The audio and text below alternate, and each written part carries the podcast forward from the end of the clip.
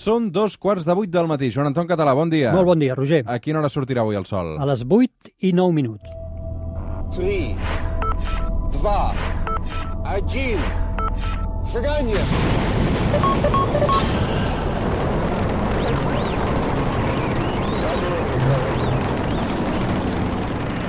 One small step for man, one giant leap for mankind.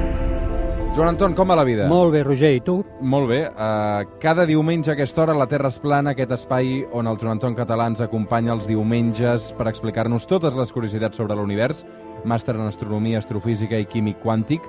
Joan Anton, eh, recordaràs ben bé que fa uns mesos vam celebrar els 50 anys de l'arribada de l'home a la Lluna, Oh, el mes de juny passat, però és que aquest 2019 també ha fet anys un altre element, segurament no tan important com la Lluna, però també d'una envergadura rellevant, eh? Sí, sí, jo diria que de la, de la, quasi, quasi de la mateixa importància, com deies tu, de la Lluna, eh? 150 anys de la taula periòdica dels elements. La taula periòdica, aquell element també que et feien aprendre de memòria als instituts. No, eh, no, no, tota de memòria no, eh? perquè pensa que la taula periòdica són 118 elements actualment, vull dir, de memòria no ens la fem aprendre. Eh? Però, tu, però al principi sí. Sí, els primers elements sí. Jo no me la vaig aprendre mai. No, i això? No, perquè a mi la química era una assignatura d'aquelles que em costava una mica, saps? Doncs no? mira, doncs avui toca. Avui toca i avui aprendrem el que no vam aprendre a l'hora que tocava. Sí, Vull senyor. que avui amb el Joan Anton Català, 150 anys de la taula periòdica. Què és? Per què serveix? A veure, ABC, eh, Joan Anton? Vinga, va. Vull dir, estudiant de parvulari, Vinga. avui, que, que veig que vens eh, allò... És a dir, no te m'embalis. Val. Què són exactament els elements químics? Val, tu ves-me parant, eh? Si Sí. tu m'atures. Els elements químics, anem a definir-lo. Un element químic és simplement un àtom neutre. Què vol dir neutre? Que té el mateix nombre de protons que d'electrons. Vol dir que no té càrrega elèctrica, perquè, com bé sabem, els protons tenen càrrega positiva, els electrons càrrega negativa, igual nombre de protons que d'electrons, vol dir càrrega elèctrica. Zero, àtoms neutres. Això és un element químic. Un Perfecte. àtom neutre. D'acord. Diferència entre element químic i compost químic. El compost químic estaria format per més d'un element químic. Per exemple, l'aigua, que sabem que és H2O, està, és un compost químic. Està format per dos elements bàsics, que són l'hidrogen i l'oxigen. Molt bé. D'on surt aquesta taula periòdica? Aquesta necessitat d'ordenar-los eh, d'alguna manera en una taula? Molt bé, cap a meitats del segle XX ja es coneixien molts elements químics, se'n coneixien sobre, la, sobre els 50, i hi havia hagut algun intent de classificar-los per, en base a propietats d'aquests elements. Però llavors va haver un professor eh, rus, que es deia Mendeleev, que això, a meitats del segle XX, els va intentar classificar d'una forma que fins llavors ell pensava que no s'havia fet.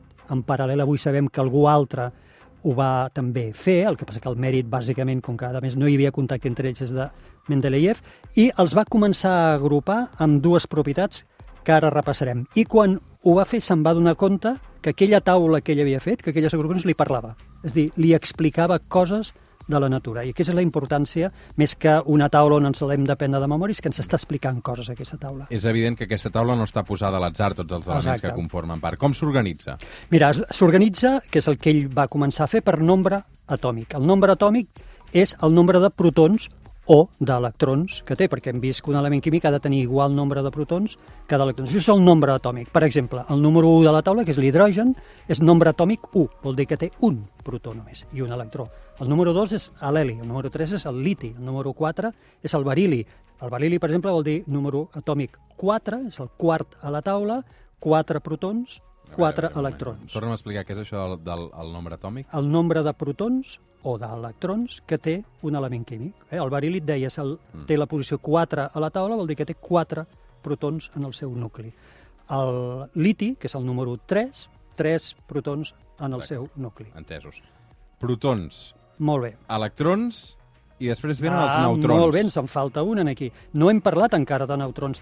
I és que els neutrons no juguen amb la classificació d'un element dins de la taula periòdica. Sabem que el neutró també forma part del nucli. En el nucli hi ha protons i electrons. El que passa és que el número de- de neutrons pot variar. I un mateix element químic, com l'hidrogen, pot haver-hi varietats que tinguin neutrons, nombre de neutrons diferents. I això és el famós isòtop, que alguna vegada n'hem parlat aquí al programa i que tu ja vas prendre punts Sí. alguna altra vegada. L'isòtop és un element químic que presenta diverses varietats a la natura en funció del número de neutrons, i aquest sí que pot variar. Per exemple, l'hidrogen pot tenir l'hidrogen sense neutrons, l'hidrogen amb un neutró, que n'anomenem deuteri, a l'hidrogen amb dos neutrons, que n'anomenem triti. Tots ells són hidrogen, però són com varietats. Tots ells estan al número 1 de la casella de la taula periòdica, però són com varietats del mateix element. Posa'm algun exemple per entendre tot això una mica millor, Joan Sí, Anton. mira, l'exemple que normalment explico és, imagina't que la taula periòdica fos eh, una prestatgeria i tenim els calaixos que hem d'anar posant a la prestatgeria. Cada calaixet seria una casella de la taula periòdica dels elements. Anem a posar la primera. A la primera, que és l'hidrogen, agafaríem una capseta i posaríem una bola gran dins, que és un protó, i una bola petita, un electró. I el posaríem a dalt de tot de la nostra prestatgeria. Seria l'element número 1. El 2, l'heli, agafaríem una capseta i posaríem dos boles, són dos protons, i dos electrons. I així aniríem ordenant-la per nombre atòmic. Com més boles té, una posició més, més en, en allà té dintre la nostra prestatgeria. I ara ve la primera cosa xula, que quan aquells de mitats del segle XX ho van fer, eh, se'n van donar compte que passaven coses rares. Per exemple, si féssim això que et dic, en aquella època, arribaríem a la casella 30, que és el, el zinc. Posaríem 30 boletes eh, grans i 30 boletes petites. I ara, de sobte, no tindríem ni 31 ni 32, perquè en aquell moment no es coneixia cap element que tingués 31 ni 32 eh, protons en el nucli. Però sí que es coneixia el 33, que és l'arsènic. Llavors, a la nostra prestatgeria hauríem de deixar dos caselles buides, que és el que ell va fer, la 31 i la 32, i passaríem directament a la 33. Què ens està dient la natura amb això? Que ens falten per descobrir elements, que per força ha d'haver-hi elements químics que encara no s'havien descobert que corresponien a la posició 31 i 32. És a dir, fixa tal com ells van anar omplint la prestatgeria, la taula periòdica, van anar trobant forats i els forats era una forma que la natura ens estava dient ei, aquí et falta per trobar elements. Ha d'existir obligadament, perquè no ha d'existir un element en aquí al mig. Som al Suplement, som a Catalunya Ràdio, aquest que sentiu és el Joan Anton Català, avui parlant i recordant els 150 anys de la taula periòdica. A veure, Joan Anton, algunes d'aquestes columnes de les quals estem mm -hmm. parlant, aquestes calaixeres, una imatge molt gràfica, Sí. tenen noms concrets. Per què passa això? Sí, tenen noms concrets perquè eh, comparteixen propietats. Deixa'm abans explicar per què comparteixen propietats. Abans hem vist que si quedaven forats entremig, volia, els estava dient que faltaven elements per descobrir. Uh, Mendeleev es va donar compte d'una altra cosa. Aquesta prestatgeria, a més d'anar-la ordenant per noms atò atòmics, la va agrupar verticalment per propietats. Va fer que en la mateixa columna de la prestatgeria de la taula quedessin elements amb propietats similars. I què es va trobar? Que saltaven en seqüència, per exemple, hi havia una columna que hi havia l'element número 2, per sota hi havia el 10, per sota hi havia el 18, per sota hi havia el 36, per sota hi havia el 54. Això és una, és una seqüència de més 2, més 8, més 8, més 18, més 18, i aquesta mateixa seqüència es repetia a la següent columna. Per què la natura fa que repeteixi la mateixa seqüència exactament a cada columna? I això sabem que eh, el que ens està dient la natura és que els electrons no es distribueixen en, un- en un àtom de qualsevol forma a l'atzar, sinó que es distribueixen amb òrbites, com si fossin, anomenem orbitals, amb capes. I aquestes capes justament són 2, 8, 8, 18, 18, és a dir, 2 electrons a la primera capa, 8 electrons a la segona, 8 electrons a la tercera, 18 electrons. Per tant, se'm va donar compte això de que quan agrupava per propietats hi havia un patró que repetia a cada una de les columnes. I a cada una de les columnes se li va posar noms. A la primera columna és la columna dels elements alcalins, eh, que ve de propietats de com se'ls deia antigament els seus òxids. Són el sodi, el potassi, el liti, aquest tipus d'elements. La segona columna en diem alcalinterris, que són eh, magnesi, el berili, el magnesi, el calci, són elements que s'assemblen. Hi ha la columna dels halògens, que és el fluor, dels gasos nobles. Ah, aquesta és xula, perquè els gasos nobles és la darrera de totes les columnes, és la del eh, heli, neó, argó, i això són, com el nom indica, eh, gasos que no reaccionen, són inerts, no reaccionen, tenen tendència a no reaccionar amb cap altre element químic, són com molt, molt, molt estables, i això se'ls va dir gasos nobles o inerts. Mm. Escolta'm, que aquests elements es col·loquin a la dreta o a l'esquerra també deu tenir alguna cosa a veure, no? Exacte, també se'n va donar compte d'això, com que acabem de veure les seqüències, que vol dir com els electrons es col·loquen, quan, quan ens n'anem a la dreta de la taula periòdica, tenim elements que tenen tendència a captar electrons per completar aquestes capes que dèiem. I en canvi, quan anem a l'esquerra, tenim elements que tenen tendència a deixar anar electrons. Si tu pleguessis la taula periòdica sobre ella mateixa, et trobaries, quan es toca a la dreta amb l'esquerra, els enllaços que es formen entre els elements més a l'esquerra, excepte els gasos nobles, eh?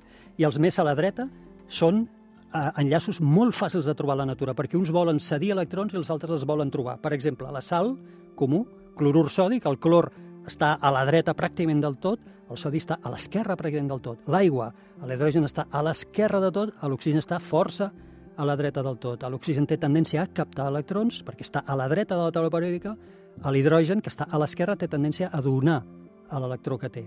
Llavors, com et deia, estar a la dreta o a l'esquerra significa eh, més capacitat de combinar-se entre ells. Mm. Deixem que rebobini un moment. Els gasos nobles, eh, per què no combinen amb cap altre? Perquè justament tenen aquestes capes que deia electròniques, les tenen plenes. No tenen ni tendència a donar electrons ni tendència a agafar-los. És més, que si n'agafen o en donen, es tornen inestables, perquè tenen justament aquestes capes complertes, les tenen absolutament complertes, estan, estan en un estat ideal. Uh -huh.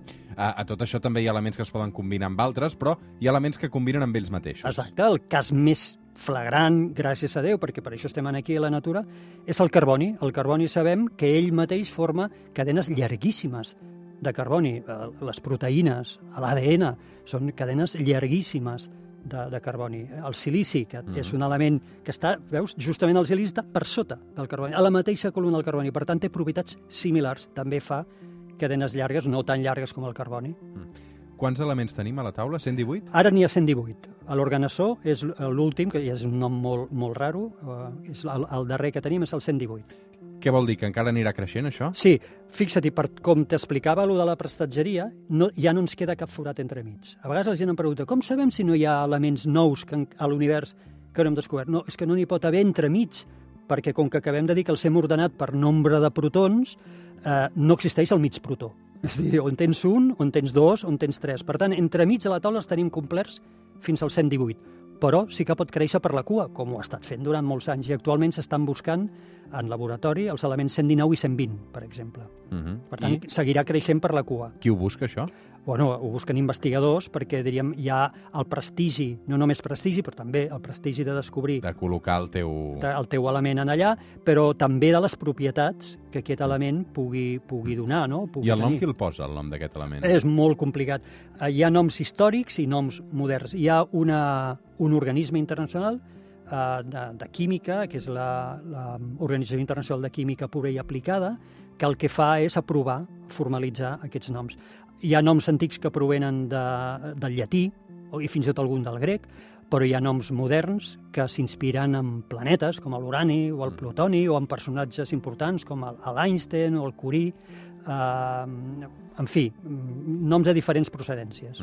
Una cosa és el nom, l'altra cosa és el símbol, que també fa molta gràcia. Sí, el símbol també fa gràcia. Normalment s'intentava o s'intenta que el símbol correspongui en el nom, però no sempre. Eh? A vegades aquell símbol ja està ocupat i llavors s'utilitzen noms que no corresponen a, a, amb, el, amb el... Perdona, sí, eh, símbols que no corresponen exactament al nom i llavors pel que t'he explicat de l'arrel del nom, a vegades els símbols, com eh, sodi és Na, dius sodi, Na és natrium, que és del llatí, per això et deia que hi ha noms que venen antics del llatí i, per tant, el, el símbol que s'utilitza és el que prové de la seva arrel.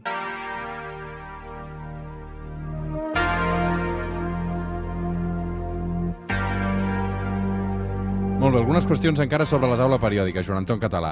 Um, si tots aquests elements de la taula periòdica uh, s'han creat o no s'han creat de manera natural? Molt bé, aquesta és una pregunta molt xula. Mira, el número 1, l'hidrogen, tot l'hidrogen de l'univers es va crear en el moment del Big Bang. En el primer sospir, una mica després del Big Bang, es va crear tot l'hidrogen que hi ha a l'univers. Mai més s'ha tornat a crear hidrogen. També en el Big Bang es va crear el número 2, que és l'heli. Una mica del 3, que és el liti, i una mica del 4, que és el berili. Per tant, els quatre primers van néixer, sobretot l'hidrogen i l'heli, amb el Big Bang. Tots els de més, fins al número 94, que és el plutoni, que és l'últim que es coneix natural, que surt en fonts naturals, perquè a partir del 94 els fem al laboratori, són artificials, diríem, doncs fins al 94 tots, en una excepció que hi ha pel mig, tots els han fet les estrelles. Per tant, a vegades ho hem explicat, moltes vegades ho hem explicat al programa, Les estrelles són les fàbriques de l'univers. Dins de les estrelles, a milions de graus, en el cor de les estrelles, es forgen, i en el moment en què moren les estrelles, es forgen tots els elements de la taula periòdica. Això vol dir el carboni que tens dins les cèl·lules, l'oxigen que respires, el ferro que hi ha dins a cada gota d'hemoglobina de la teva sang, a l'or o la plata dels nostres anells, a l'urani de les nostres centrals nuclears. Tot això ho han fet les estrelles. Fascinant, eh? Sí. Com m'hagués agradat que haguessis estat el meu professor de química, Joan Anton Català. Ostres, ara Perquè sí, no- això és una... Bueno, Perquè- m'has dit ara una cosa molt no, gran, perquè, eh? perquè m'hagués pres la química d'una altra manera i segurament m'hagués interessat molt més, i això no... no... Quina El llàstima. meu professor, no diré el nom, eh, però clar, no em va transmetre aquesta passió amb les quals tu expliques les coses. T'haig de dir que quan a mi em van ensenyar química tampoc eh, transmetien gaire passió. Eh? Que al fi- al final aquestes coses s'acostumen... Fixa't la de coses que ens diu una taula periòdica, que aparentment és innocent, no? Dius, mira, una taula periòdica, ai, quin fàstic, l'haig d'estudiar de memòria. No, no cal que l'estudis de memòria, però sí entendre que és una forma en què la natura ens diu coses. No? Doncs va, parlant de natura i de coses que ens diuen coses, ara jo et posaré un exercici eh, difícil, eh?